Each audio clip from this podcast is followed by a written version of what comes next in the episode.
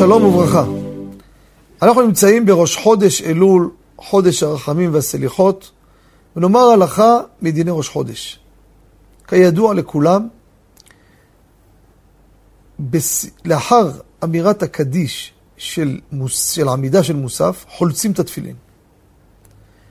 כי מוסף אסור שיהיה עם תפילין. זה שתי קדושות, אסור. השאלה היא, מה קורה אדם שהוא נמצא עם התפילין, עדיין הוא נמצא בשחרית, ואז הוא שומע קדושת כתר. האם הוא רשאי לענות כשתפילין לראשו? שהרי כל הבעיה שאסור להניח תפילין בכתר, כי כתר ייתנו לך, אתה לא יכול לשים את התפילין שגם הם סוג כתר מסוים. ועד כדי כך כתוב, בית יוסף מביא, יש בזה סכנת נפשות. מי שעונה תפיל...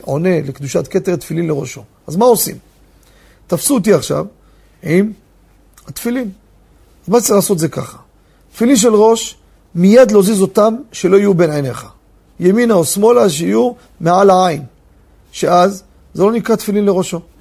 זה כמו שישים אותם בכיס, אותו דבר, זה לא נקרא הנחת תפילין. תפילין של יד, הוא לא יספיק, כבר התחילו קדושה, יכניס חתיכת טישו, או בת של השרוול של החולצה, בין התפילין לבין היד, לבין הזרוע. שאז החציצה הזו גורמת שהתפילין, זה לא הנחת תפילין.